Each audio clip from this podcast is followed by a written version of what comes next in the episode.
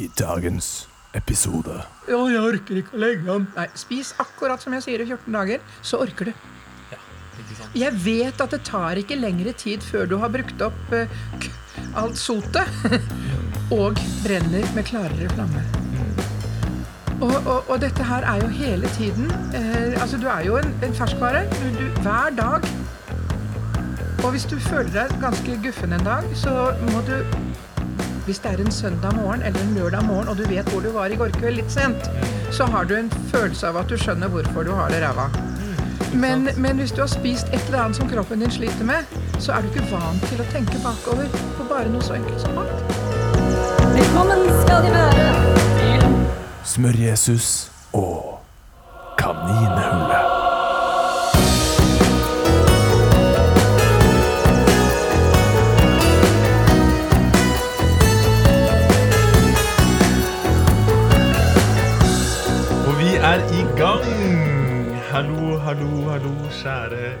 lyttere. Velkommen tilbake til en ny episode. Smør-Jesus og Kaninhullet, hvor vi skal ramle ned nok et eh, kaninhull i dag. Um, gjesten jeg har med meg i dag, er en veldig artig, spennende person. Som jeg har fått uh, gleden av å bli kjent med det siste halvåret. Uh, hun tok kontakt med meg, uh, grep tak i meg, nesten, føles det litt som. Neida.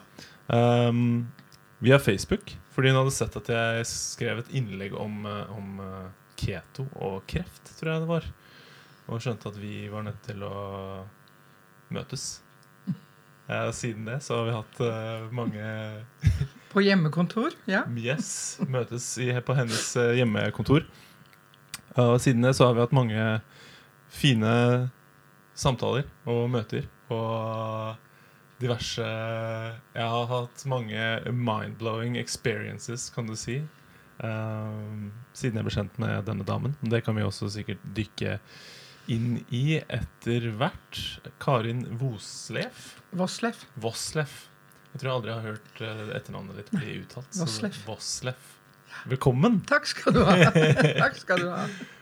Hvordan føles det å være på eh, Har du vært- på mange podcaster tidligere? Eller? Nei, jeg har vært på noen forskjellige TV-ting, og jeg holder jo foredrag i hytt og gevær. Ja. Så, så det, er, det er jo bare at man har en mye større mikrofon midt i trynet enn man pleier. ja. Ja. Ikke sant. Så dette skal gå kjempefint. Jeg tror nok at vi greier den. Ja. Vi har uh, mange ting uh, vi kan uh, gå dykke ned i. Um, men jeg, jeg syns alltid det er fint å starte med litt eh, kontekst, og gi litt en litt kontekst om hvem du er, og hvor du kommer fra, og litt om din, din reise, da. Eh, Det er så flott begrep. er, du, er, det, er du en ernæringsterapeut? Er du uh, Du har i hvert fall vært, hatt hodet ditt nede i ernæring de siste 30-40 40, 40 årene. årene. 40 årene. Yes. Du var en pioner, på, kan Ja, du si faktisk, det? På noen ja. måter. Eh, på 80-90-tallet. Men kan ikke du si litt om hvordan den reisen startet, og litt om den reisen ja, frem til i dag, da? Jo da, oppvokst i Oslo med godt norsk um, Yes. kosthold. Mm. Og, eh, Der, ja. og uh, giftet meg i godt norsk. Og begynte å tenke helsekost. Eh, og det er mye rart. Det var mye grønnsaker i den tiden, og jeg er kjøtteter, så det ble litt dustete, men jeg kunne jo lære meg det likevel. Mm. Og så havnet jeg Da var jeg tekstilkunstner, tekstildesigner. I mange år jeg er industridesigner utdannet. Okay. Eh, og hadde massevis av eh, da, utstillinger og med, med plantefarging og soppfarging og den slags ikke-spiselige ting. Så giftet jeg meg en gang til, og da var det med en atomforsker som kunne kjemi. Og han, han importerte kost, næringstilskudd fra Tyskland. Okay. Så vi var de første i Norge som begynte med proteinpulver og den slags. Yeah. Og han syntes han kunne alt fordi han var kjemiker. Det kunne han ikke, iallfall ikke på det området, så da måtte jeg bare bruke hodet mitt. Og leste masse amerikansk og masse tysk. Og eh, så på argumentasjoner og sa at nordmenn tenker annerledes. Vi er nødt til å lage en egen logikk. Vi går i skogen med geitostmat. Vi har ikke liksom, hvis det, var fem treningssentre i Norge liksom, på den tiden. 80-årene. Så, så det ble Jeg begynte å, å lage egne manualer for hvordan man skulle spise i forhold til trening. Og er, motbydelig ord autodidakt. Og det er jeg fryktelig fornøyd med, for da har jeg lært meg det sjøl. Og da har ikke jeg tatt en eksamen som jeg kan hvile på. Jeg må ta eksamen hele tiden. Jeg. Og jeg må følge med. Så jeg har hatt stor igjen kreativ glede av å kommunisere. Jeg elsker å kommunisere det jeg tror jeg har skjønt. Ja. Hele tiden! Oho! Der er vi like. Ja. Så, så det har vært eh, sånn sett en reise i, i ganske, ganske variert landskap. Mm. Mm. Og eh, mm, så kom jeg jo i kontakt med, med, med Dag Viljen Polisinski og disse gutta med Helsemagasinet. Mat og helse og hva enn de har kalt seg oppover. Og han var opptatt av eh, bl.a. En, en polsk lege som het Jan Kwasniewski, som hadde noe han kalte optimaldiett. Og det er forløperen til keto og lavkarbo, egentlig. Og eh, så dro jeg dit ned og tok en liten, liten eh, spansk en, holdt jeg på å si. Jeg tok en liten polsk Ibsen-student under armen, og så tok jeg eksamen der, der nede. Du tok en polsk en, altså? Jeg tok en polsk en. Så, og det ut, utregningssystemet som de hadde med protein i forhold til kroppsvekt, protein i forhold til fett, i forhold til karbohydrater, det er noe jeg merker nå at vi burde tenke mer på når jeg ser alle disse rufsete sidene på ketointeresse, hvor at 'jeg gjør bare sånn, jeg, og så gjør jeg slik', jeg og sånn. Da blir det ikke keto, og så blir du eh, skuffet over at navnet ikke ga deg det navnet har lovet deg, men du har jo ikke, du har jo ikke forhold til navnet. Så, så keto er blitt veldig, veldig utvasket nå. Så har jeg også jobbet veldig mye med matintoleranser. Det er kjempeinteressant, fordi at eh, vi blir mer og mer overbelastet. Altså, melk og brød gjør kinnen rød. Nei, veldig rød kanskje, hvis ikke du tåler det. Og vi har kumelk, A, altså betakasein A1 og A2. Vi har masse forskjellige forståelser. Først kom det med intoleransene. Nå har vi det med tarmbiotaen. Ikke floraen, for bakterier er ikke blomster. Nei.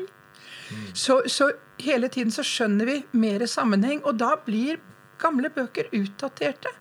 Og så må du lese deg opp og opp og opp. Kjempespennende og ganske slitsomt. Mm. Fordi at du må si Ja, men det sa du jo for fem år siden. Ja, men da trodde jeg det. For det var det jeg visste da.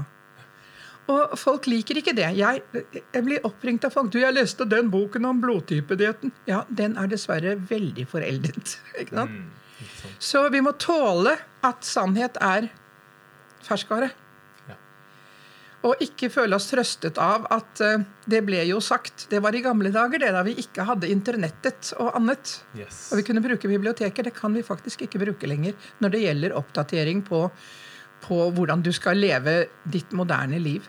Fordi at med en gang den boken er eh, trykket og har vært ute et par år, så, så har man kommet forbi den. Ja. eh, Jeg er også redaktør i, i, i forlaget Lille Måne, hvor vi har en del eh, bøker som omhandler dette her. Så jeg sitter jo og tenker alle mine tanker når jeg da skal liksom ha ansvaret for hva forskjellige andre forfattere sier om disse, disse tingene her. Mm. Så litt travelt, ja. Ja, du, så du var på den uh, Polienski, var det den her? Polisynsk Polysyns- Nei, nei, Kvasjnevskij. Korsniewski. K- Kvasjnevskij. Eh, og tok med mange av de konseptene tilbake til Norge? eller? Ja da, da jeg, da jeg hadde vært der nede Jeg hadde jo hatt med meg flere eller var du Ja, jeg, coach? nå, altså, jeg er det meste. Ja. Ja. Jeg har coachet i ganske mange tiår også. Mm. Så på det mer spirituelle plan. Og altså, du, du, du tenk, altså Spiser du dritt, så tenker du dritt. Veldig enkelt. Så veldig ofte når folk er i sjelenød, så bør de spise frokost. Ikke sant? Ja, Det er, det er fryktelig enkelt. Mm. Og jeg bor over en barnehage, og jeg ser hvordan ungene er når de får feil eh, litt for mye yoghurt klokken to. Mm. og skal hentes klokken fire. Ja. Så vi er så veldig avhengig av gode råvarer, egentlig. For vi er jo gode råvarer selv. Mm. Og vi er veldig ferskvare. ferskvare. Vi reagerer jo hver dag og holder oss i live. Ja. Og da, da er det blitt litt for mange lettvinte løsninger i mat. Vi gjør det for deg. Ja, men jeg burde tygget selv, liksom. Mm. Mm. Ja. Pluss at det er så dyrt å leve sunt. Ja, men det er jævla dyrt å være syk òg. Veldig godt poeng. Men du har også Altså, du har mm. Du Det var har- mye på en gang, det. Ja, det er mange, mange hull vi kan dykke ned i, som sagt. Ja Men eh, du har også vært eh, coach for toppidrettsutøvere. Prestasjonsrettet ernæring. Og da og det er ganske viktig, for jeg er, jeg er i en viss alder hvor man liksom skal sige ned i det store mørket etter hvert. Ja. Men jeg spiser jo iallfall lavkarbo. Jeg har vært med på å, starte lavkarbobevegelsen i Norge. Eh, og jeg vet at jeg holder Altså, jeg spiser prestasjonsrettet uten å tenke på det.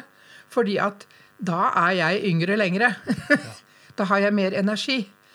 Og jeg kan ha sendt folk over Nordpolen og over Grønland og over Sydpolen. Og dratt opp Pål Anders Ullevålseter, som har kjørt en smule motorsykkel i sitt liv. Han hadde jo med seg niste fra meg i mange mange av disse Paris-Dakar-greiene. Og, og drakk shaker om natten som jeg hadde laget til ham. Eh, Fordi at da fikk han fordøyet det. Mens de andre spiste bagetter til frokost og kjørte. Og i det øyeblikket du er i farta, så fordøyer du ikke lenger. For da, er du, da skal du bruke kreftene dine på noe annet. Så de hadde i grunnen ikke spist frokost, de. Men han hadde spist frokost, og så sovnet han igjen. Så vi, jeg, har, jeg har lekt med veldig veldig mange utfordringer på prestasjonsområdene. når folk kommer og sier 'dette vil jeg få til', ok, da skal vi prøve i hvert fall herfra og gjøre det slik og sånn. Og det har vært kjempemorsomt. Men da tester jeg dem på hvilke elementer de tåler av protein. F.eks. du tåler ikke melkeprotein. Nei, men da skal vi ikke ha whey-protein i shaken din. Da skal vi ha kanskje, kanskje hamp Mm. Videre. For hvorfor skal du belastes, overbelastet, når du har tenkt å yte? Og folk spiser altfor mye belastende mat nå. Og vet ikke bedre. Og blir veldig ulykkelige. Jeg syns det er så synd når folk blir så ulykkelige. Så mm, jeg holder nå på med mitt, og spesielt det med testing av matintoleranser er veldig spennende, for der går du ned i ett og ett element av matretten din. En potet med smør, med sånn, sånn, sånn. Når du vet hva du ikke tåler, så vet du også hva du tåler. Og så kan du legge opp mat. Og så sier de åh, jeg føler meg så mye lettere. Å, jeg får trent mye bedre. Så rart. Mm. Mm, sier jeg da. Veldig rart. Systemet ditt Ja, fungerer. Jo, men det gjør jo det. Altså, en, altså, veterinærer er jo mye morsommere leger på maten enn en, en vanlige leger. For de lærer jo noe om hvordan noen skal fôres for å yte. Ja. Hvis du gir kua di for lite mat, så lager den ikke melk til deg. Vær så god, ferdig. Mm. Så, så det, er, det er veldig mange områder, gode råd, gamle råd, som, som kan være veldig nyttige, som vi liksom har modernisert oss vekk fra. Ja. At mandler bør avskalles fordi at mandler skal ligge nede i jorden og bli mandeltre, og da vil den ikke bli spist når den ligger der nede. Og da må den ha et brunt skall, som vi også ofte reagerer på. Men hvis vi smutter ut det, den fine hvite mandelen, så kan vi godt bruke mandelen. Sånne småting hele veien, som var en selvfølge før. Visste Og surdeigsbaking sånn av skikkelig mel og alle disse tingene. Bort- Bortebø, unntaket når Guri Amer setter i gang. Ja. Ja. Lage hjemmelaget eh, leverpostei og lungemos og Ja, lungemosen Lungemosen i gamle dager smakte mye bedre. Hilsen erfaren. Og folk sier Aah! Mye bedre, men er det, er det lungemos til stede i dag? i Det hele det er innmat. Kvernet innmat, ja da.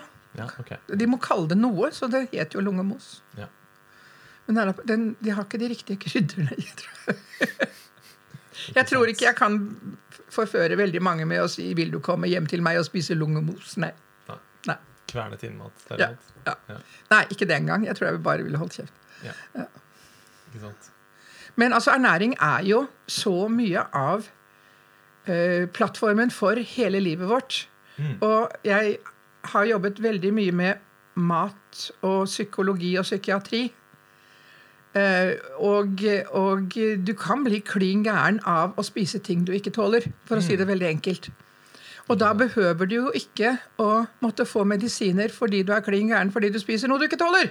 Nei, ikke sant? Og det jeg da sier til folk, er at hvis du har en sten i skoen, vil du gå til legen din og spørre om å få noe smertestillende fordi du har en sten i skoen? Eller vil du kanskje ta ut stenen? Det er jo egentlig basically der vi er.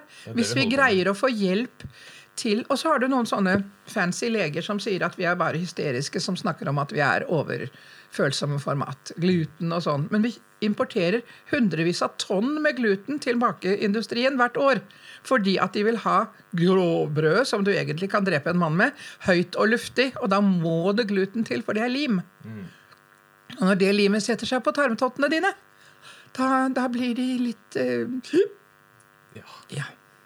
Så det ligger forklaringer hvorfor hele veien. Hvis du gidder å gå ned i historien. Vi blir så historieløse. Yes. Hvorfor gjorde vi det? Hvorfor skulle vi sånn? Jeg har disse store, gamle kokebøkene, vet du. Og da gjør man sånn, og da er jo buljong det er laget av et eller annet dyr som har ligget i en gryte på, baket på komfyren i et døgn. Det er ikke en liten firkant med, med soya, soyaprotein og, MSG og, og- og ja. MSG. Så vi har blitt eh, utarmet, rett og slett. Ikke sant? Ja. Det er noe vi har snakket en del om, eh, dette med historieløsheten. Ja. At folk skal også begynne med et nytt kosthold, og hvordan det ofte kan kanskje føre til at man ja, det blir vanskelig for folk egentlig å kanskje innføre et eh, Det koster å skifte vaner. Vi har, vi har vaneøyne, og det er ganske morsomt. Fordi at jeg snakket med en, en filippiner som sa at lukten av nykokt ris til frokost tenkte jeg nei. Lukten av ny, nybakte rundstykker. Ja. Så vi har, vi har det vi lærte i barndommen. Det ligger som et sånt minne. Øynene våre skal gjenkjenne Da! Å, sånn frokost!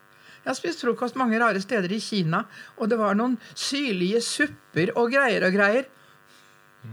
Oi, nei. Falt ikke i smak for Nei, det for norske altså, kroppen min Karin. forventer. Og kroppen vår er en fantastisk maskin som eh, Det er rett og slett som en fabrikk som forventer et visst råstoff. Og det er det som gjør at vi ofte blir uvel når vi kommer til utlandet og spiser annen mat. Fordi kroppen Hvis jeg spiser to kneip med, med ost og skinke hver morgen, så lager den fordøyelseskjemikalier som skal kunne ta imot det. Og så kommer det plutselig noe helt annet. Og da sier vi 'Å nei, det ble noe gærent i magen min'. Ja, magen din hadde ikke maskineriet til å nedbryte dette her. Ikke mange nok enzymer osv. Vi er så fabelaktige. Og så er vi så treige i huet til å forandre. ja. Så vi Så går vi er så fabelaktige til å tilpasse ja, oss, på en måte. og, ja, og vi har, altså, det, er- det, det fungerer så enormt elegant. Men når vi da plutselig i bomullsfabrikken kommer med, med bjerkeved, så, så må det litt til for det skal gnafses ned til. Ikke sant. Ja. Ikke sant. Så, så det, er, det er litt Hver gang det er store, flotte reklamekampanjer i fire farger i alle ukeblad, så vet jeg at her er det ikke råstoffer som koster så mye. Her tjener de veldig mye penger for å kunne legge inn dette her. Dette her er business. Mens en liten økobonde, stakkar, med fine, brune egg og kortfløyelsbukser og postkasse, han, han har ikke kjangs til å fortelle hvor han finnes engang. Unntagen sånn litt på Facebook og litt sånn. Ja. Men uh, vi blir de, de som virkelig uh, brenner for den gode helsen. uh, Og kanskje opprettholder den historie... fordi at det gir god helse. Ja. De, de blir, de blir eh, dempet ganske kraftig. Og da skal du være veldig idealist. Jeg vet ikke hvordan du føler at du har det med det. Nei, det Ja. Det er jo Føler jo at man må stå liksom Men Skrike at apropos det du kaller deg smør-Jesus, det var Ja. det jeg tente litt på. Uh, melkefettet, det er noe de fleste tåler. Ja. Melkeproteinet er det de som reagerer, ikke Altså kaseinet, ostestoffet. Ja. Melkesukkeret er noe Tine Meierier sier at det kan være at du ikke tåler. Og hvis de skal innrømme at det kan være proteinet, så har de ikke et produkt å selge. Nettopp. Det, la oss eh, hoppe inn eh, dit. Ja. Eh, for det har du også Du har til og med vært i, i litt sånn korrespondanse med Tine, blant annet. Ja, han jeg har hatt møte med Tine. Festlig. Ja. Da var da jeg kalte Tine Norges største langer av hvitt pulver på et skoleforedrag. Ja, Da, da, historien. ja, da kom, da kom Akershusbladet og skrev om det. Hun som sier Så ble jeg oppringt av, av Tine Meierier. De ville gjerne ha et møte, om jeg kunne komme. Nei, det kan jeg ikke, men dere kan få lov å komme til meg på Lillestrøm. Og jeg hadde kontor. Så da ringte jeg til Dag Wilhelm Polisinski, som jo er professor i, i, i mye rart, og sa du Dag, nå sånn og sånn Å, sier han, kan jeg få lov å komme og være sekretæren din? så kom han. Og så satt vi der, og så kom det en markedssjef og en ernæringsfysiolog som straks gjenkjente ham og ble litt sånn Hup! Og så snakket vi veldig hyggelig om beta-kasein A1 og A2. Det er to forskjellige proteinvariasjoner av ostestoffet. Og A2 er sau, geit, morsmelk og gamle kuraser. av en er dagros. Og det er dagros vi har problemer med. Ja, og det er dagros de fleste Vi, vi er jo industrialiserte forgifta av meieriprodukter ja, er Vi er basert forgiftet av gulost, vi. Ja. Ja. Så, så, så dette her med, med hvordan man markedsfører saker og ting Og de syntes ikke noe om at jeg kalte dem langre. Jeg sa, men når, når dere lager sjokolademelk med ekstra tilsatt sukker, Mm. så ja, kunne jeg ikke være så snill å kalle det noe annet? Mm. Så jeg skal prøve å finne et fint ord. så de, de kunne ikke si til meg 'du tar feil'. Nei. De visste jo hva de gjorde. Ja. Men den ligger hele tiden, og folk er redd for 'Å, nei, jeg tåler ikke melkesukker'. Veldig ofte så er det melkeproteinet de ikke tåler. Yes. Og i andre land sydover, Tyskland, Italia, der er det masse småfeoster. Og, altså de bruker mye mer sau og geit som melkegrunnlag til, til delikat mat. Her er det bare dagros. Ja. Så, så vi har hvit geiteost, selvfølgelig. Yes. For brun geitost er kukaramell. Geitekaramell. Mm. Så vi, vi, får, vi får inndyttet en del tanker som vi ikke skjønner eh, at vi skal avvise, for vi har ikke historien bak. Nei. Men det er en diskusjon i Norge også om det der nå med A1 og A2. For da de må bare finne riktige okser, så blir det genetisk A2. Ja, Ja, Det gjorde de i New Zealand. ikke sant? Og, og det er vel også Det var det du som nevnte det, at hvis du bare Det skal ikke så mye til å avle frem Nei. det riktige Nei, genet, må- sånn at kuene produserer et A2-protein Ja. som vi mennesker tåler å fordøye mye bedre. På New Zealand kan du kjøpe enten A1-melk eller A2-melk. Ja, De bare følger blodslinjene. ikke sant? Men han sleit. Han skrev en bok som het The Devil in the Milk. Ja, Og han, eh, han ble veldig motarbeidet. Merkelig, du. Merkelig det, Ja. Men det er en så stor bedrift som tjener ganske mye penger på at ting er sånn som de er.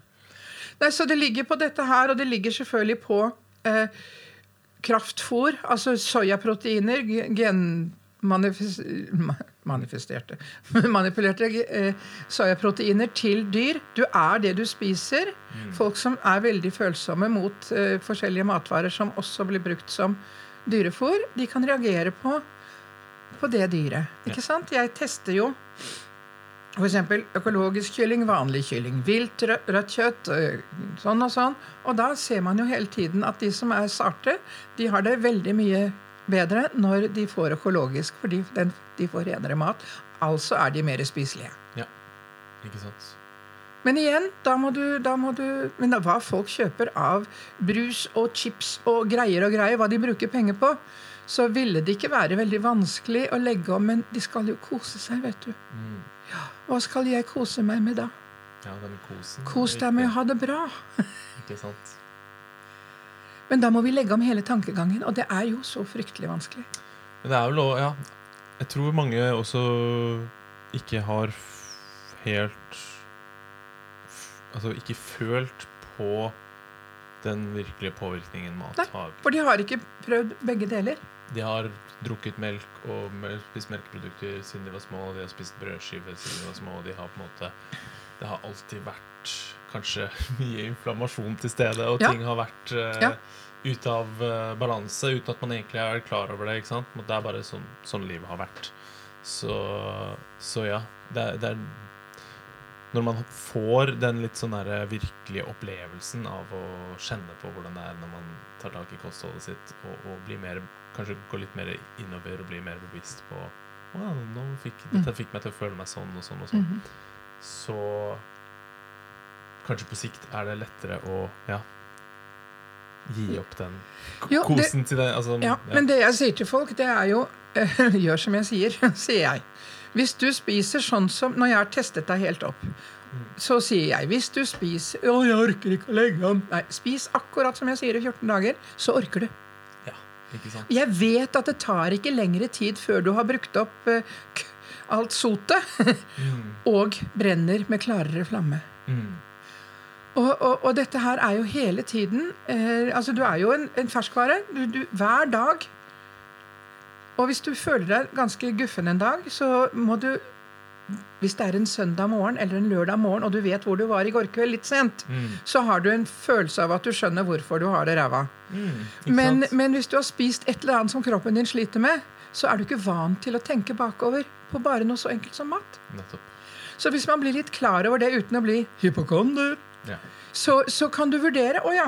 Og så, så kan du jo ta den helt ut da, og spise et eller annet. Mine, min, et av mine barnebarn sier 'du, mormor'. Det smaker godt i munnen, vet du, men det er jo ikke bra i kroppen. og det er en forståelse. Ja. For da, han, han har skjønt det. Han, han, han gjør jo hva han vil. men, men han er fullt klar over konsekvensanalysen i det. Og det er der vi, vi, vi blir jo opplært til ikke å skulle tenke konsekvens. Nei. Så jeg erter jo folk med å Hva spiste du i går, da? Spiste McDonald's. Ja. Ja, eller jeg husker ikke. Altså, man har bare spist. Ja. Ja. Og, og da, hvordan skal du da greie å ta tak i deg selv? Du kan godt forklare andre at de bør drikke mindre øl og spise og, og, Men din egen, da? Mm. Så vi er, vi er i grunnen ganske rare. Men- og så påstår jeg at alle mennesker burde få lov å ha en fryser hvor de kunne lage store porsjoner, slik at den dagen de trengte en mor til å lage mat til seg helt alene, så kan de bare ta ut noe derfra, så kan de varme det, og så kan de spise, og så blir det bra. Vi må faktisk sørge for oss selv. Mm. Og det også i familieforhold. Liksom, Ja, men skal jeg bare lage én sånn middag, og så skal jeg lage en annen middag? Nei, du skal lage skikkelig middag til hele gjengen. Mm. Det er ikke verre. Nei? Men, men det krever en omlegging som jeg ser på hvordan folk spør spørsmål i, i, på nettet også. At det er en enorm motstand. Fordi de vet ikke nok, og de skjønner ikke hvorfor det er lurt. Så jeg bruker masse tid for å forklare hvorfor. For da, da, da kan du iallfall føle at du er dum hvis ikke du gjør det. Hvis ikke så er du bare Jeg bestemmer selv. Ja. Ja. Ja, det er noe med, med kunnskap inni det bildet her Så er det avhengighet. Avhengighet. Ja, Betakasein A1 og betakasein A2. Eh, A- A1 den, altså, Det heter morfinpeptider når du kutter opp et protein. Ja. Altså det gir deg en, et løft, morfin, Ja. og så drar det deg ned. Blir, ikke, blir, blir det A-proteinet omdannet til beta-kasomorfin? Er det ikke et eller annet Ja, Det blir sånt? klippet opp av eh, enzymer. Ja. Ja. Og da blir det, det, det har Og da gir det deg et løft, på ja. morfin Ja, eh, ja. Resept Nei, Ja, resept. reseptorene. Ja. ja. mm. Så, så altså, dette her er finkjemi. Mm. Men når du skjønner det, så kan du også velge det vekk og finne noe som kan funke isteden. Mm. Men da må du skjønne hva som funker isteden. Det er jo derfor mange kan føle at eh, ost kan være veldig Ja, tenk det, du. Du kan spise og Ja, spise og ja, spise og Så har en, en morfinlignende effekt. Ja, du får en liten sånn. Yes. Og der har du et av mine kjepphester også rundt uh, rusmiddelmisbruk osv. Uh, når du ikke tåler melk, så hender det at du medisinerer deg med, med amfetamin. Ding, ding, ding, ding. Hvis ikke du tåler gluten, så er det tobakk og alkohol. Ding. Og så får du beskjed om å bruke viljen din. og Vekk med det! Mm. Men du skal fortsatt spise det som gjør at du trengte å medisineres med mat. Men når du da bare har lært det psykologiske, og ikke det ernæringsmessige, så må du da medisinere. Skjønner du? For å holde Ja, så altså, Du kan ikke bruke viljen din i den grad det blir påstått. Jeg ber folk holde pusten til de dør, og de greier det ikke. Tenk. De besvimer, og så tisser de på seg, og så blir de veldig flau. Ikke sant? Ja. Samme det er jo ikke som noe lurt. derre å skulle kun følge Minimere kaloriene sine Mm. uten å tenke på hvordan hormonene spiller inn på dette her. Ja, Du får jo ikke orden på noen ting. Og disse her knirkete, magre damene som bare spiser salater, de er jo ikke lykkelige heller. Nei. De, for de ser ikke sånn ut. Og da blir du ikke, da blir det jo ikke bærekraftig. på en måte. nei ikke på, på noen måte. Ikke Verken fysisk eller eh, miljømessig uten, utenfor. Nettopp. Så, så det ligger veldig mye ukunnskap, og det ligger veldig mye manipulering rundt ernæringen nå. Ja. Og det er, det er veldig trist, fordi folk vil så gjerne ha det bra. Mm. Og så gir de opp. Og da kan du like liksom godt dope deg litt mer, da. Men jeg har jo jobbet masse før i tiden med kroppsbyggere. Og, og det var jo mange av dem som Jeg var sponsor for mange av dem også, og de visste jo at hvis de ble tatt i dop, så ble det ikke noe mer sponsing. Men, men altså, som jeg sa, hvis du gjør de riktige tingene, så eier du musklene dine. Når, når du doper deg, så, så vet du at da feiler det ganske fort når du ikke doper deg lenger.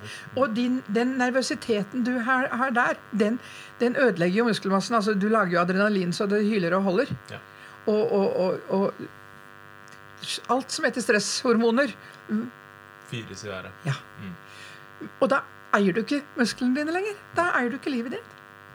Og de har jo blitt tatt, og det har vært mange rare måter å forsøke å komme unna urinprøver og greier på. Det vet man jo rundt omkring. Så det er faktisk en god investering å gammeldags ta vare på matmessig gammeldags ta vare på sin eh, gammeldagse kropp. Ikke sant? Ja. For den er gammeldags. Ja, den Ja. Jeg har fremdeles bare fem fingre og fem tær på hver side. Ja. Ikke sant? Det tar jo ikke tar litt lengre tid enn en, en 100 år og for en kropp å tilpasse seg ny hva skal man kalle det? Ja. Ny informasjon, da. Som på en måte næring Ja, eller som, som altså, miljøet bestemmer at du skal, du skal bli mer og mer omnivor eller karbivor. Og, Ja. altså, alle disse tingene. Det går fantastisk om natten, kjære deg. Så er det flotte naturprogrammer på BBC og disse her. Og der har de bl.a. en del arkeologer som, som, som, finner kjeveben av forskjellige dyr i de forskjellige lagene. Sånn tre millioner, to millioner og sånn.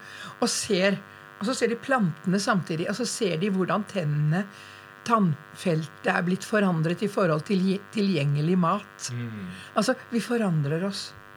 Og nå trenger vi jo snart verken fingre eller Jo, vi må Å!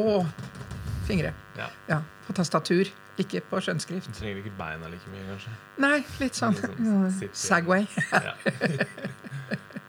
Men eh, Ja, kan vi, vi kan lukke igjen uh, melke... Ja. Men jeg, jeg har lyst til å spørre deg litt da om pasteurisering og prosesseringen av melk. Er det noe du har Det, det er an... Hva skal vi si, da? Uh, kontra å drikke rå melk? Da, Jo, altså rå, Argumentet mot rå melk er at i gamle dager, i skitne små fjøs, så var det litt mer tuberkulose hos kua enn det er nå. Mm. Men altså, det vi vet, det jeg har hørt La meg ikke få noen på rygg, styggen på ryggen nå. Hvis du, pastor, hvis du sender melken til Mamma Mu til meieriet, og får den tilbake i kartonger og gir den til kalven Møllevipp, så greier ikke kalven Møllevipp å overleve, for da får den ikke de stoffene den skal ha. Og de sier jo på alle disse zoo-programmene at hvis ikke disse barna utdøende raser, de må ha den første melken fra mor med alle antistoffene. Og så sier vi at om, om oss Nei da, vi kan bare kjøpe et pulver, vi. Det er ikke så farlig. Og så sier de dyrebarna dør hvis ikke de får de riktige mm, immunstoffene med en gang. For da greier de ikke å utvikle dette i egen mage. Nei og nei er vi blitt en egen overlegen rase som, som, som ikke lar oss Utenfor disse Ja. reglene. og når da naturen- silikontrøstede kvinner sier at ja, men det, jeg må få lov å se ut som jeg vil, ja, men da kan du bare la være å lage barn, da. Tenker jeg. Og da blir sånne som, kom, som forsøker å få opp Det er vanskelig å brystfòre barn. Man kunne trenge en eller annen eh, voksen som kunne fortelle hvor vanskelig det er å trøste og, og bære og sånn. Og isteden så sier vi at jeg kan ikke ha alt det maset om det der, så jeg vil ikke høre det. For det er så vanskelig. Altså, vi har kjørt oss helt ut. Og hva betyr det hvis du har et, et barn som er tatt med keisersnitt, altså ikke fått med seg bakteriene fra mor ut, og så på en eller annen melkeerstatning? Da vil de ha en helt annen tarmflora. Det de finner av tarmflora, er som regel de bakteriene som var på stellebordet på føderommet. Istedenfor de som skal være i tarmen fra mor. Og dermed så greier ikke de å nedbryte melken, enten om den kommer fra ku eller mor, på den måten de skal, fordi at bakteriene er der. Altså, alt henger sammen med alt. Mm. Og vi er ikke så moderne. Vi, vi overlever ikke hvis vi skal være så moderne at vi mister historien. For da har vi mistet grunnlaget for god helse. Mm.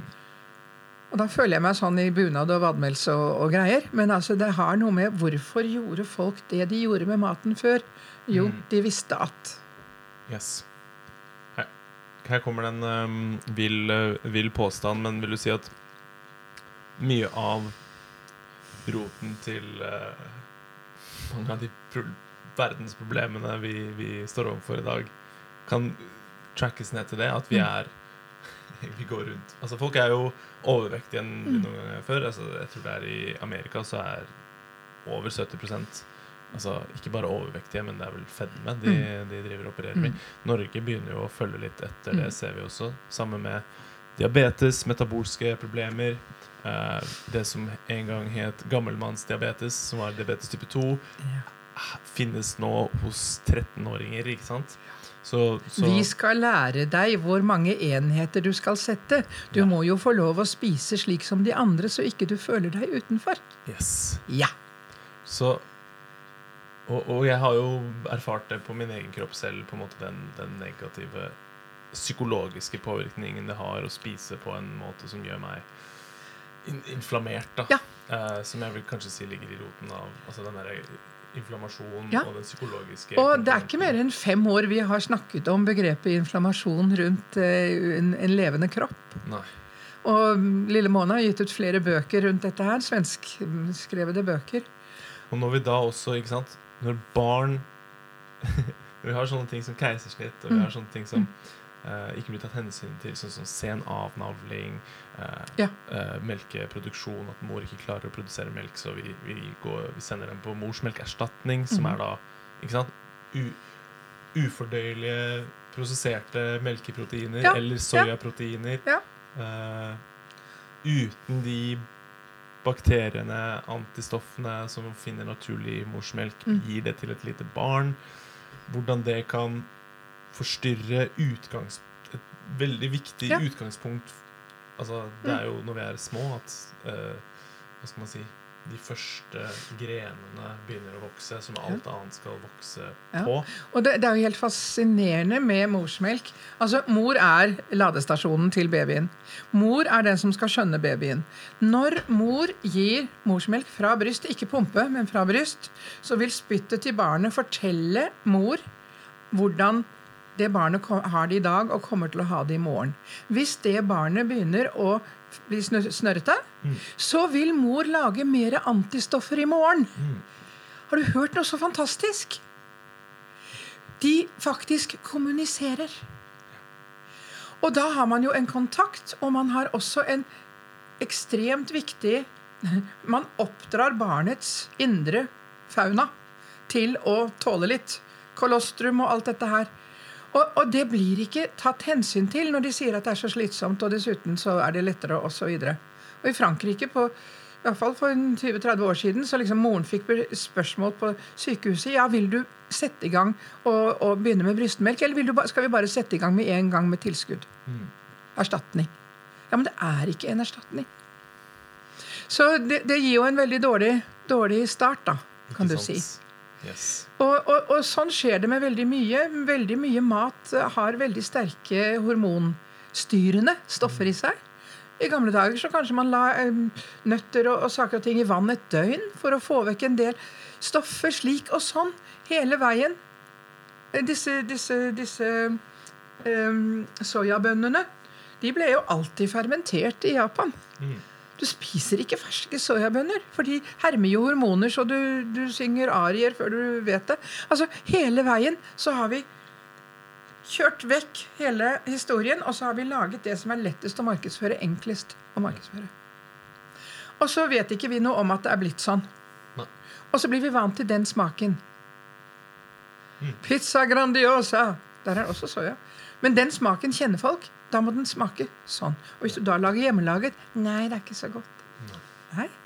Så vi er jo Vi er jo så målbare og så styrbare på godt og vondt. Ja. Rett og slett.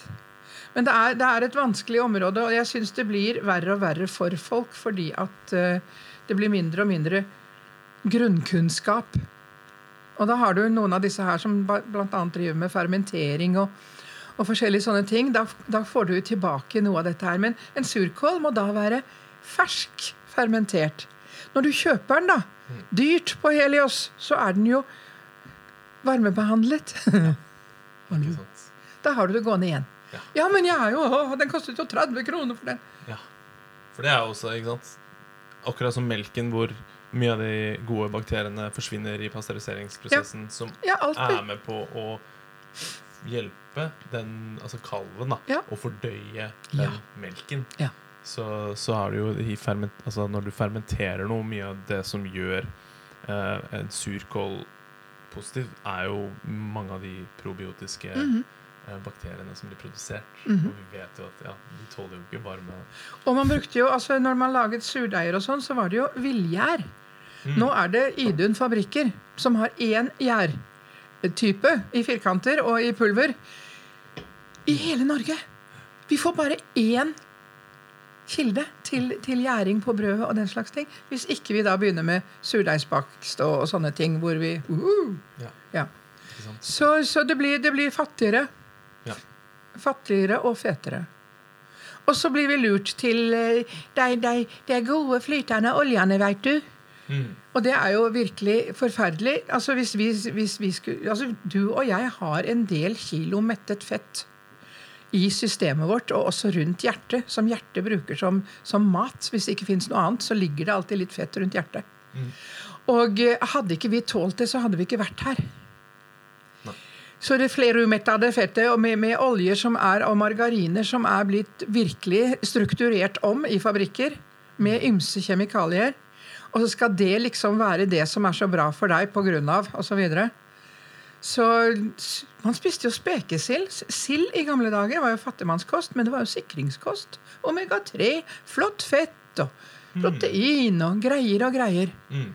Og så går vi over til, til eh, Scampi, som har svømt rundt i en liten, liten pond et eller annet sted sammen med alle de andre i hverandres eh, avføring og annet. Ja. Ja. Antibiotika og An ja, ja, ja. Ja, ja. Så, så, men det ser jo veldig lekkert ut, da. Ja. På, i, en, I en matrett. Ja. Nei, så det, det, det, er litt, det er litt sørgelig, fordi man må så gjøre så tenke så mye og gjøre så mye for å få til en del. Mm. Og der er jeg tilbake til min kjepphest, nemlig matintoleransetester. Jeg tar det jo kinesologisk fordi at det er matens energi mot din energi. Mm. Du kan sende blodprøver til Amerika, det gjorde jeg i mange år. Men da må du ha spist den tingen de tester deg for, for å ha laget antistoffer. Mm. Det betyr at vi, da må du spise noe du vet du blir syk av, for at det skal være antistoffer, slik at du får det på et ark. Sånn er det. Så da må vi tilbake til gammeldagse målemetoder. Kinesologi, energi. For vi har jo en aura, vi har jo en utstråling. Hjertet vårt har jo en kjempeutstråling. Det vil jeg like ja. Men jeg tenker vi kan For jeg har litt lyst til å snakke med deg om uh, ketogenkost. Ja. Hvordan du kanskje for si du, måte, Det er der du har endt opp etter hele din, din uh, reise gjennom kostholdsverdenen de siste 40 årene. Mhm. Eh, ketokost, er det Er det et svar på hvordan man kan eh, eh, stabilisere en, eh, en, en, ja, en metabolske dysfunksjoner? Altså hvis du skal eh, stabilisere noe som er i veldig ubalanse, så kan det være usedvanlig nødvendig og nyttig.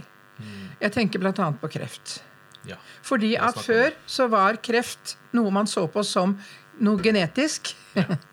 og så begynte man å se på det litt eh, mer Og da ble det laget store systemer og pakkeløsninger, og det er ikke måte på hvor mye man kan gjøre for disse fryktelige genene. Og så er man nå kommet til at det er en metabolsk sykdom. Det er mitokondriene som går bananas fordi den ikke får nok oksygen, men får nok blodsukker. Så blir det en gjæring. I den cellen hvor mitokondriet går bananas, så blir genuttrykket forandret. Den, og det er det vi sier. Å, se! G kreftgen! Nei, det er, det er på grunn av.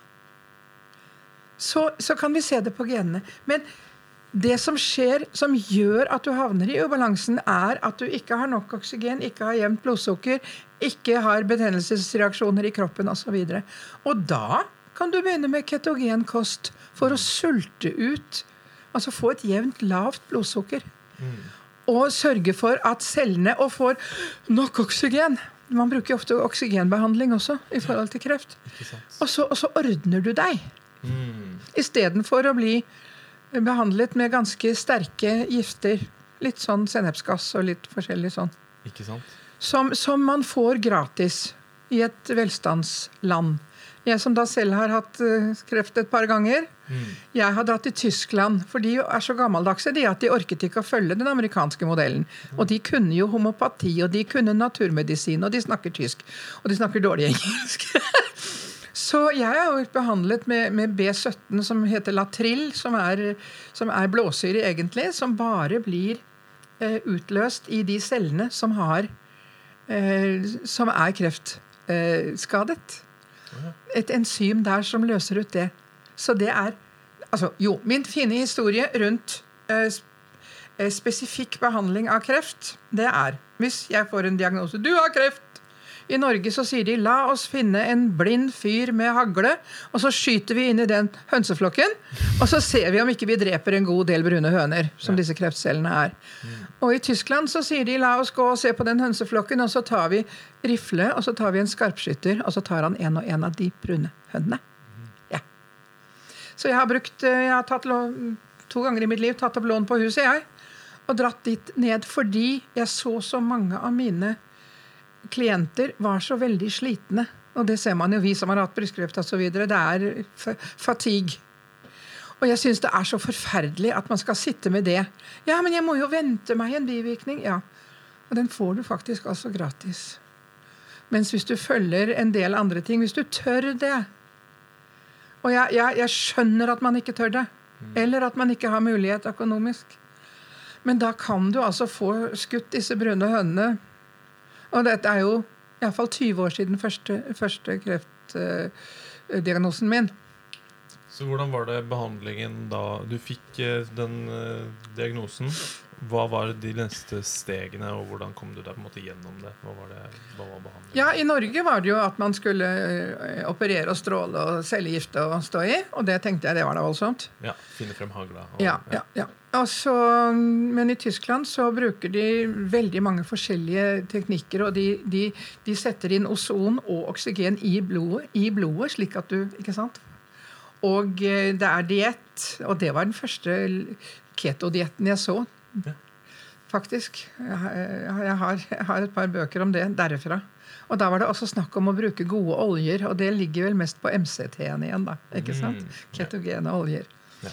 Men, men det var veldig mye forskjellig. Både varmebehandling, altså hvis du får feber, ikke sant, og du får injeksjoner av veldig mye forskjellige ting. Det er Du, du blir der noen uker, og du, du får behandling hver eneste dag. Så, så For meg har det vært veldig riktig, og jeg har eh, også hjulpet noen som har vært veldig utslitt etter kreftbehandling, hvor jeg kan tenke meg at det ligger ganske mye gammelt skrot igjen i celler. Eh, At de har dratt ned og fått renset ut, rett og slett. For de har hele altså, Vi kan ikke gå inn på hele systemet, men det er et veldig målbart system. De kunne se hvor mye som var igjen av slik og sånn og sånn. Og sånn. Og jeg sitter nå her i i 2021, da, Mm. og jobber rimelig nok. ja. Det virker ganske Og jeg er veldig glad for å slippe å sitte og, og være lei meg for alt det jeg ikke får til. mm. Mm. Samtidig, i vår krenkeverden, så kan jeg jo omtrent krenke folk ved å si at jeg fikk det til. ikke sant? Det er, det er så vanskelig. Jeg har holdt foredrag om, om min kreftreise, og det sto jo også i Helsemagasinet. Så jeg har, jeg har dokumentert den sånn passelig. Men, ja. men eh, det, er, det er faktisk et område jeg er veldig, veldig forsiktig med å snakke om i det hele tatt. for mye om. Ja, skjønner. Fordi Har du merket mye eh, fallback eller altså på de historiene du har lagt ut? Er det folk som reagerer veldig på Nei, altså Jeg har ikke lagt ut noen ting jeg, før Nei. jeg fikk beskjed om å holde foredrag om dette her for et par år siden på, på, på en sånn høstkonferanse. Ja. Hvor jeg da måtte gå gjennom fra tidenes morgen og, og bortover og hvilken og hvordan, og holdt en times foredrag omtrent. Mm. Og så ble det en artikkel i Helsemagasinet. Ellers så diskuterer jeg ikke Hvis ikke folk vil. Altså, Det er samme som med kristelige og ateister. Det er ingen som snakker mer om Jesus enn ateistene. Så, så jeg, jeg, gidder, jeg gidder ikke. Jeg liker å løfte. Men jeg gidder ikke å, å fighte. Nei. Og jeg har lært meg å tåle at folk syns at det jeg sier, er for vondt og vanskelig og for dumt. Det er helt i orden for meg.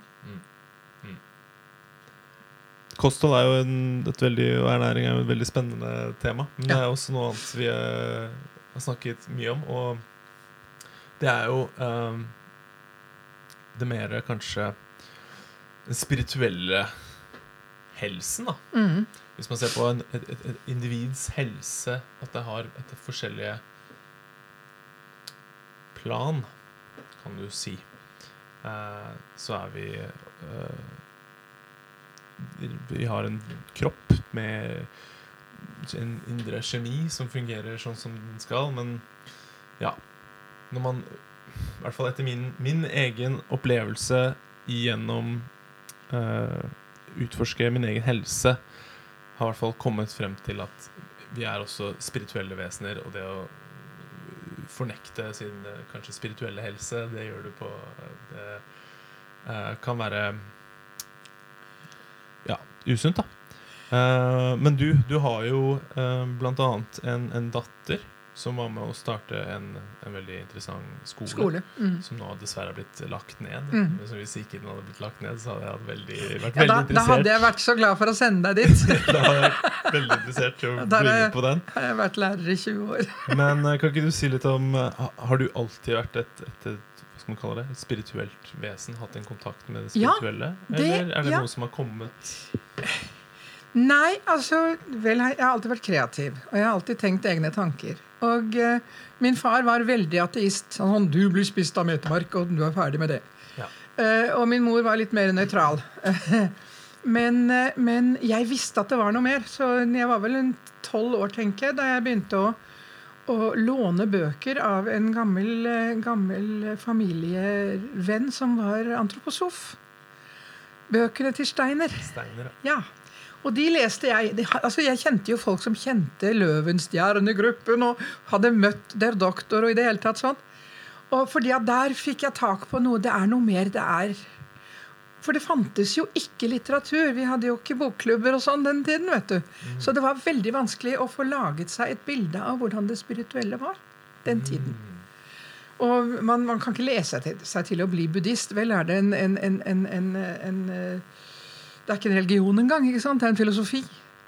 Men, eh, men etter hvert som jeg da skjønte Ja, så ble jeg reiki-master. Jeg eh, og brukte det en del, sånn generelt. Og Hva er reiki? for de det er jo en, en, en eh, asiatisk healingform som, eh, som, eh, som før i tiden i, i, i- i Japan, hvor uh, um, heter det, studenten tasset bak mesteren i årevis og fulgte med, og det er håndbevegelser, og det er ord, og det er mye rart. Mm. Men så er det blitt da mer sånn eh, mainstream, kan selges i, ved hjelp av eh, noen kurser og forskjellig sånn. Men det har noe med energi som, som eh, dytter på energi.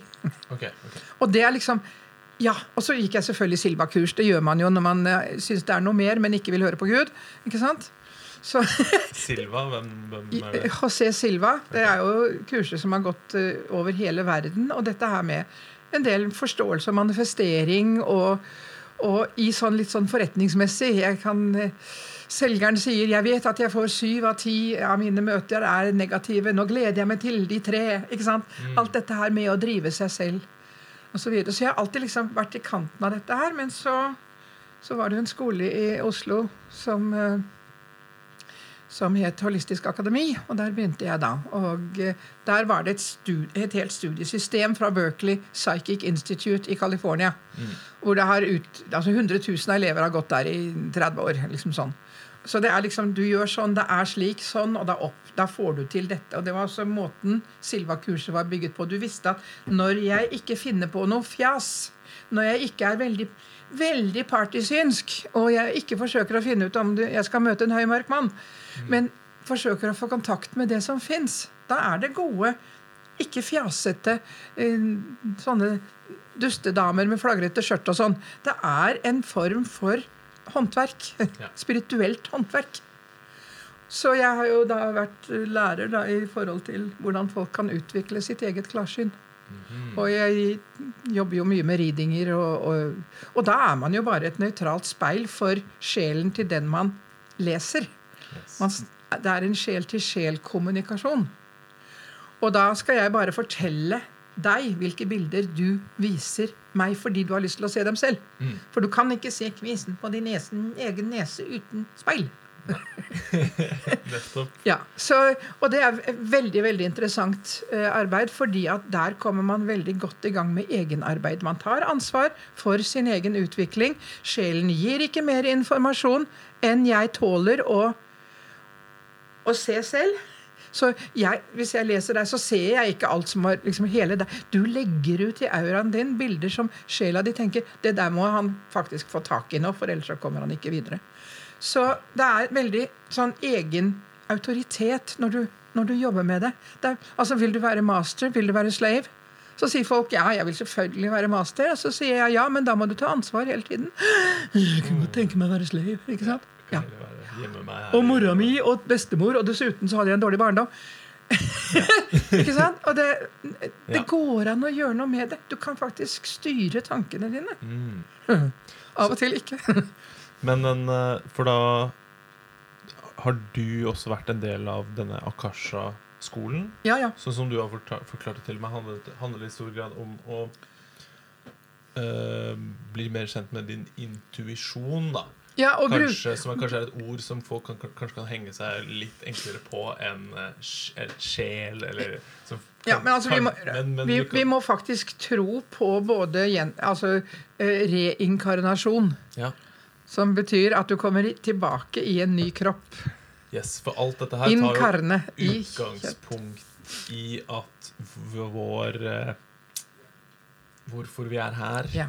er for å vokse, for å gro, eh, for å lære, Mm. Uh, komme oss videre. Mm. Uh, ikke sant? Um, og det Ja. Det La, tenk deg at du har en fragmentert universal sjel da, som sender ned små glimt av seg selv ned i kropper. Kan ikke du prøve ut det, så ser vi hvordan det er? mm, Den vil lære, og det er som uh, Buddha Maitreya, som eh, er en ganske høy buddha-inkarnasjon, som bor i Amerika for ikke å bli drept av kineserne. Uh, han, uh, han sier 'It's no right or wrong. It's right or left'. For på det planet så er det bare 'Å ja, så gikk du på trynet?' Ja ja. Da har du prøvd det. Ikke du! Ha! Ikke sant? Så vi, vi slipper synd og skyld. For den kreerte guden vi har, som skal ha alle hender over dyner og, og alle til å tenke veldig rent og ordentlig hele tiden Jeg vet ikke hva som er rent og ordentlig, egentlig. Det, og det vet vel ikke universet heller, for den rommer jo alt. ja. Og Buddha har stor mage fordi han rommer alt. Ha-ha. Det er ikke fordi han har spist for mye, men han må romme alt. Mm. Så. Nei, så det er, det er, det er jo veldig spennende å, å gi folk muligheten til via, altså Hvis du bruker klarsyn, hvis de lærer seg Hvis jeg ikke skjønte så mye om meg selv, var ulykkelig, kom på Akasha-skolen, begynte med grunnteknikker og oppover, det jo, var jo fire årskull, så, så vil du etter hvert lese bilder som en annen viser. Og så, skjønner du, så begynner du å ha lyst til å si Ja, men da må du jo bare sånn og slik. Og så tenker man plutselig Å, dægeren, det gjelder jo meg òg. Altså, du, du er så nøytral at du tar inn eh, eh, bilder på en måte Du skal forklare det, men veldig ofte så er det ting du gjenkjenner i deg som du ellers ikke ville ha tatt frem. Men siden det er en annen, så kan du jo alltid fortelle. Ja. Og så må du gå over til å si Hva har du tenkt å gjøre med det? Mm. Hva er, din, hva er forslaget fra deg, i deg, til deg? Mm. Og det er jo vanskelig å si nei til på en sånn fæl måte. dumme, dumme meg. Ikke sant?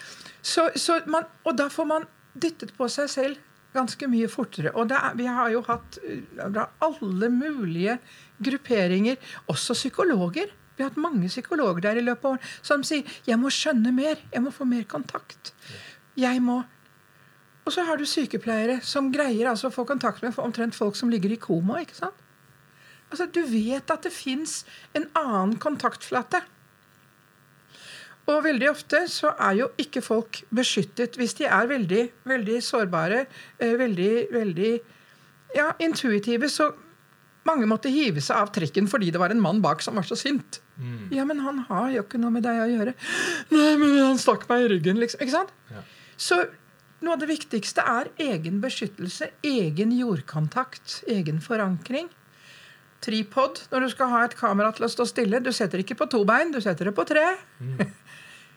Få denne Og da skvetter du ikke når noen kommer fort bak deg heller. Boing. Så denne, jeg har vært med på å se utviklingen hos så enormt mange eh, som plutselig har blitt sin egen. Ut av panikkangst, ut av masse forskjellige uh, tilstander som er blitt definert og medisinert. Og det igjen, har du stein i skoen, skal du da ha uh, smertestillende, eller skal du ta ut steinen? Ligger på den igjen. Så det er fryktelig spennende arbeid, og det er uh, uglesett av veldig mange, akkurat som kreftbehandling. Altså, hallo, hva, hva velger vi? Ja. Ikke sant? Ja. Det er veldig Og også sånn for en som er Jeg har jo hatt noen readings hos deg nå. Og fått uh, huet mitt sprengt litt av og hatt en, et, et interessant halvår hvor jeg har fått jobbet mye med meg selv. Uh, og igjen Man kan være så kritisk til det som mulig. Ja. Jeg vil si Det er verdt å prøve det ut. Altså, jeg er jo alltid sånn Hva skal man si? Jeg dømmer det ikke før jeg prøver det. Mm.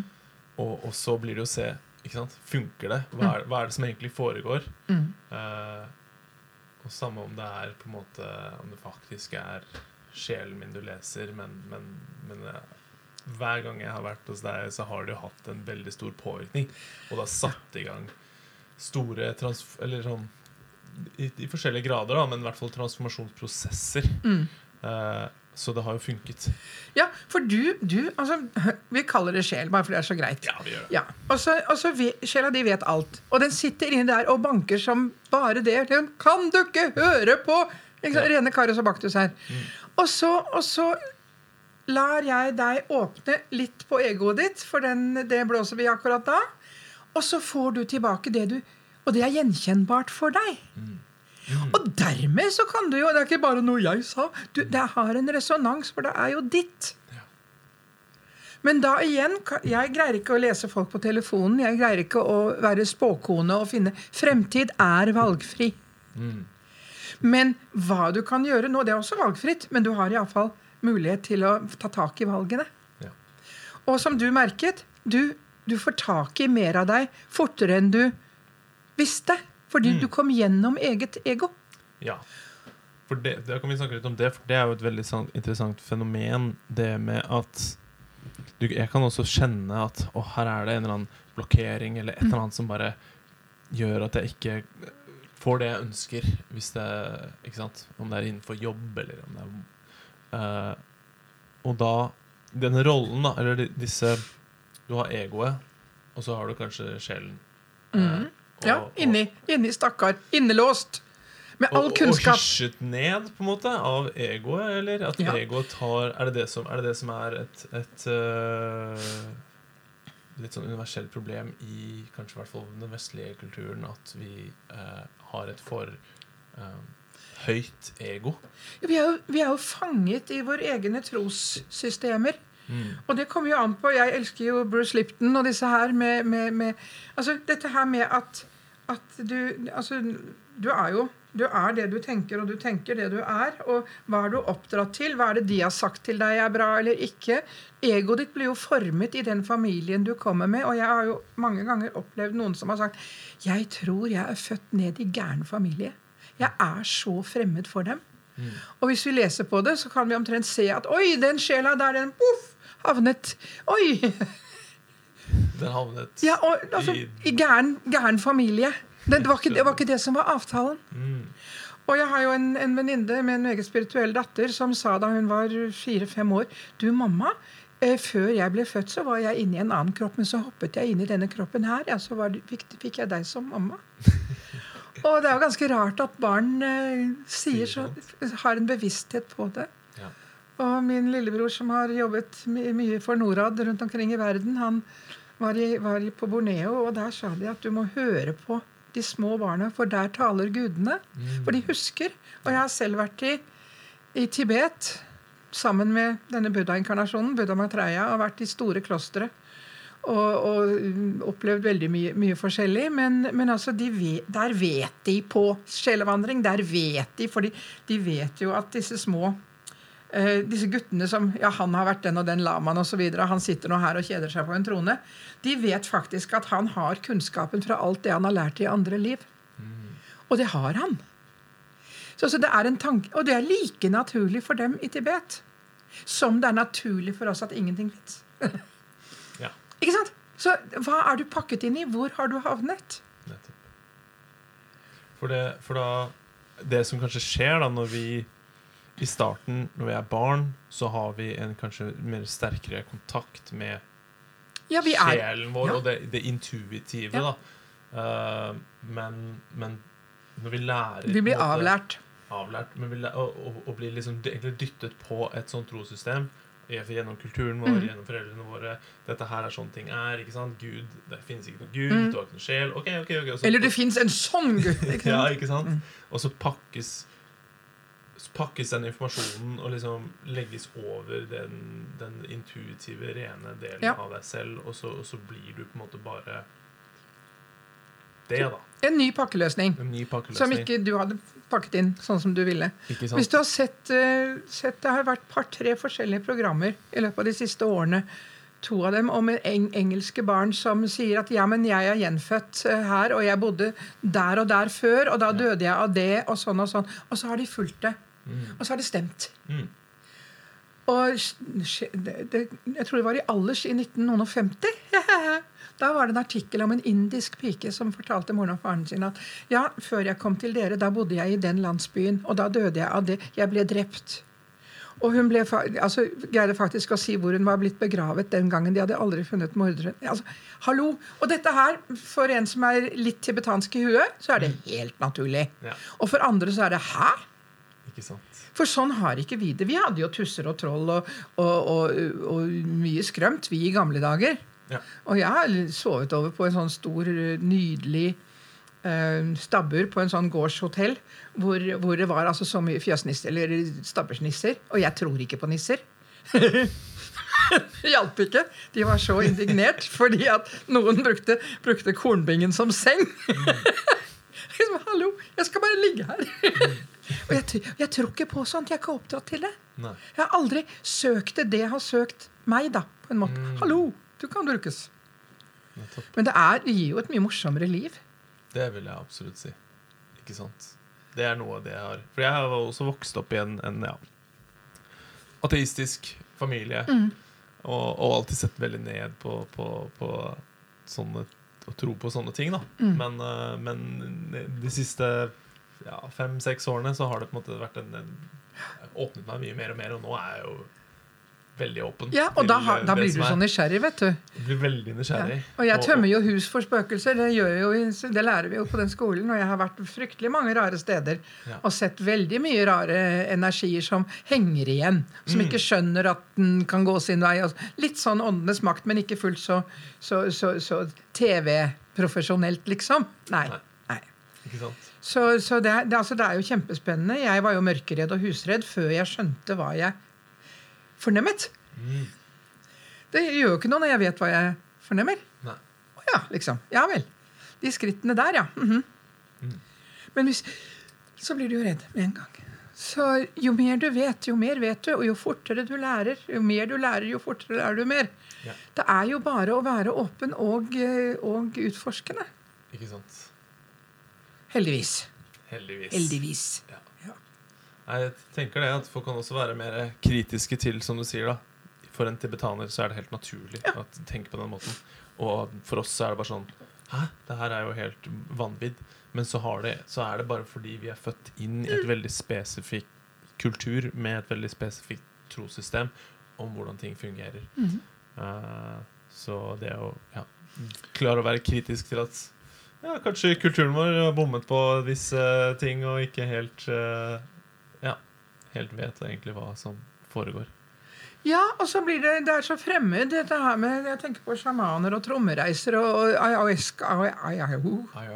Iowa. Mm. Mye rart som jeg ikke trenger, sånn som jeg jobber. Mm. Jeg, jeg kan sette meg og komme i situasjonen. Jeg trenger ikke å tromme meg ned. Jeg trenger ikke slik og sånn. ikke sant? Eh, Så vi har våre forskjellige arbeidsmetoder. Og også når du ser Jeg, jeg ser dessverre for mye TV midt på natten når jeg ikke sover. Og Jeremy Wide, som er eh, fisker, verdens mest spennende fisker, som fisker alle slags fisker i alle slags elver. Og der er det et elvemonster og, og, og sånne ting. Og når han er på steder hvor det er stammefolk, så følger han Ja, på den stenen må jeg legge tobakk hvis jeg skal finne, få fisk rundt der hvor den Sånn. Altså, han gjør disse tingene. Og mange ganger så, så Ja, jeg, han, jeg fisket i to uker, og så gjorde jeg det de sa. Der var han. Altså, hvis du har bestemt deg for å tåle at verden er full av energier som du ikke helt får tak på, uh, uten å bli redd for det, men forholder deg til det med en respekt, så, så tror jeg nok du har, har det bedre i verden. Men det er klart, vi er vant til Husker du Husker du for, ditt forrige liv? Haha. Altså, I, gamle, i gamle En bud- budeie helte jo aldri kokende vann utfor uh, hellen utenfor døren, fordi at da ville hun jo kunne svi de underjordiske. Ja. Må ikke fornærme dem. Nei. Svidd, sur dame? Nei, det kan ikke. Så altså, det ligger jo i alle Og det kalles overtro. Det vi driver med nå, er undertro. Yes. Og så sier folk til meg 'Tror du på det?' Nei, sier jeg. Jeg vet på det. Jeg har hatt såpass mange opplevelser på at mm, Jeg har vært i et kloster i Tibet hvor jeg visste Jeg kom dit to-tre timer fra Lhasa gjennom ørken. Så tenkte jeg ok, hvis jeg går dit, så kommer det til å se sånn ut. Hvis jeg går dit, så kommer det til å se sånn ut. Jeg visste. Jeg kunne det klosteret. Og jeg har sikkert hatt mye tid av mine forgangne tider i Tibet. Og Norge og Tibet er, er eh, spirituelt veldig, veldig nær hverandre. Derfor har vi Tibetforening i Norge og sånn. Så, så det, det er spennende å se at det, liksom, det er et større virkeligheter Ja. enn det vi lager oss for å være trygge. Nei, det er ikke noe særlig, så jeg er ikke, det er ikke så farlig. Jo, det er farlig. Nei, det er som du sier, det gjør også livet bare mer til et, et eventyr, sånn som vi Ja. elsker å også se på på film og, Ja. og spille i spill, ikke sant? Ja. Det er jo Men også det med, med mat og spiritualitet. Husk på at altså, å være anorektiker som nonne i gamle dager, det var liksom et adelstegn. Hun forsaker alt for å møte Jesus. mm, Tja, jeg tror aldri jeg har vært sånn nonne. Skjønner du? ja. Men, men, men dermed så har vi jo dette her med at du er, altså Unner du deg veldig lite, så har du liksom rett på å ha snusfornuftig høy moral og rett til å dømme andre. Og den, den, den ligger jo gjennomsyret i alle slags miljøer. Altså denne her janteloven, egentlig. Hvor du da plutselig står utenfor. Og mange barn som jeg har hjulpet ned i vekt fordi de har spist eh, litt for norsk, som sier 'Når kan jeg begynne å spise eh, hvetebolle igjen?' Og så sier jeg 'Hvorfor spør du om det nå som du har greid å gå ned 30 kilo og begynner å føle deg normal?' 'Jo, for jeg vil se ut som de andre'. Ja, så jeg, men Tror du ikke du ser mer ut som de andre når du mangler 30 kilo, enn når du har en hvetebolle i hånden? Så vi har sånne signaler på klasse-stammetilhørighet. Du må drikke cola med de andre. Du må gjøre sånn med «Å, driver du sånn? Det har vært så mye mobbing i idrettsmiljøer. Når jeg la opp kost til noen av disse som, som var oppe på toppidrettssenter og toppidrettsgymnaset osv. Når de spiste sånn som de burde i forhold til seg du er det der!» For der var det geitost og disse tingene. ikke sant? Det er altså en sånn mobbing rundt omkring når folk forsøker å gjøre det beste for sitt lille liv. Og det er, det, det, det er, eh, det er stygt. Mm. Og samtidig psykologisk forklarlig, fordi at eh, jeg vil ikke være mobbet, jeg vil være blant mobberne. Jeg trenger å være blant mobberne.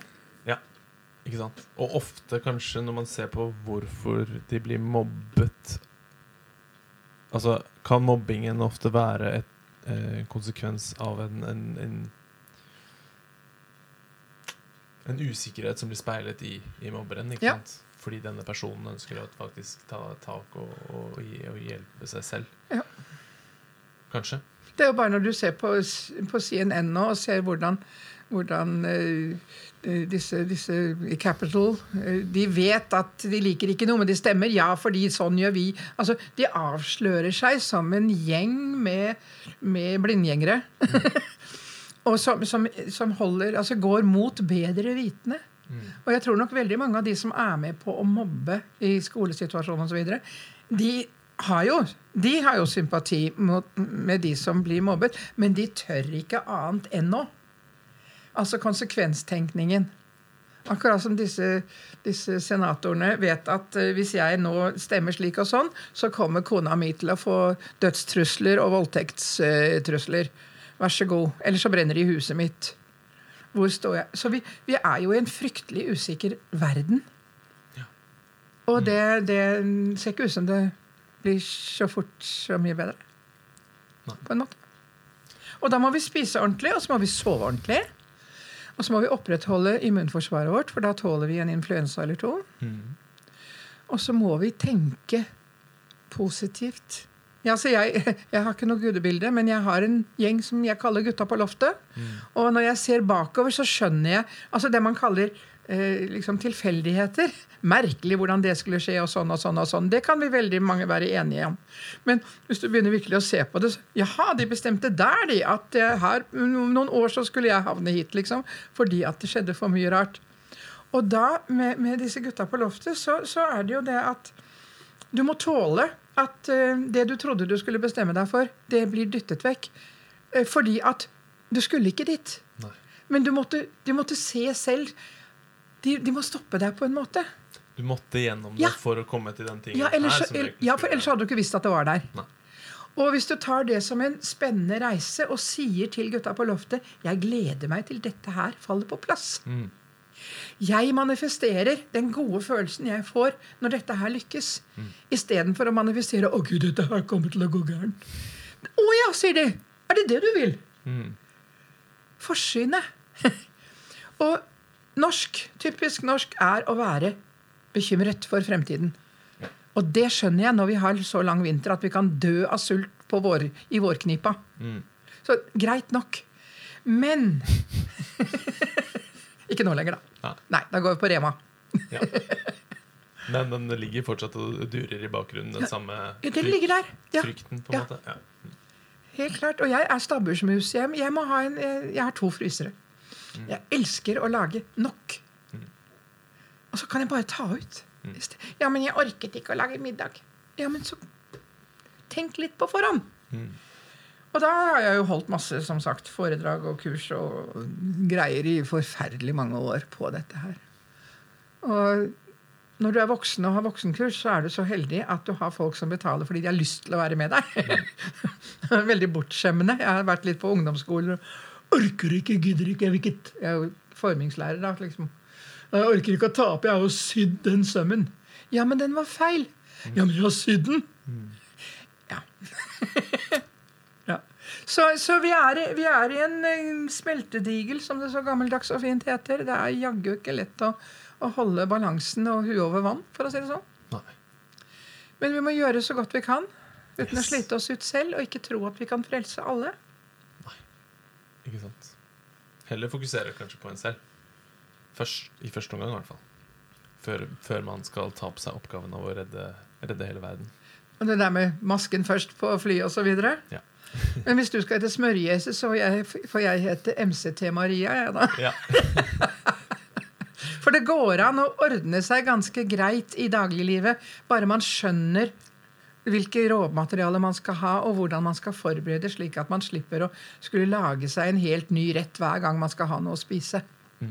Det går an hvis man tillater seg å prøve det såpass lenge, og det er ikke langt, før du merker at Oi, det der, ja. Nå plutselig jeg våkner mer om morgenen. Jeg er ikke så trøtt om dagen. Altså, disse tingene. Livet har litt mer farge. Litt lysere, Litt mer ja. eh, lys. Mm. Og, og, og, det, og da, er det, da er det ikke bare spirituelt, og det er ikke bare fysiologisk. Det er den blandingen av å ville og å enable Ja. at det går bra. Jeg syns det var et vakkert eh, sted å runde det av. jeg. Ja. Ja. Takk for eh, besøket, Kari. Takk. Takk for at du kom. Det er veldig, veldig gøy å snakke med deg. Og så ja, tenker jeg vi sier det sånn. Ja, Smørjesus signing off.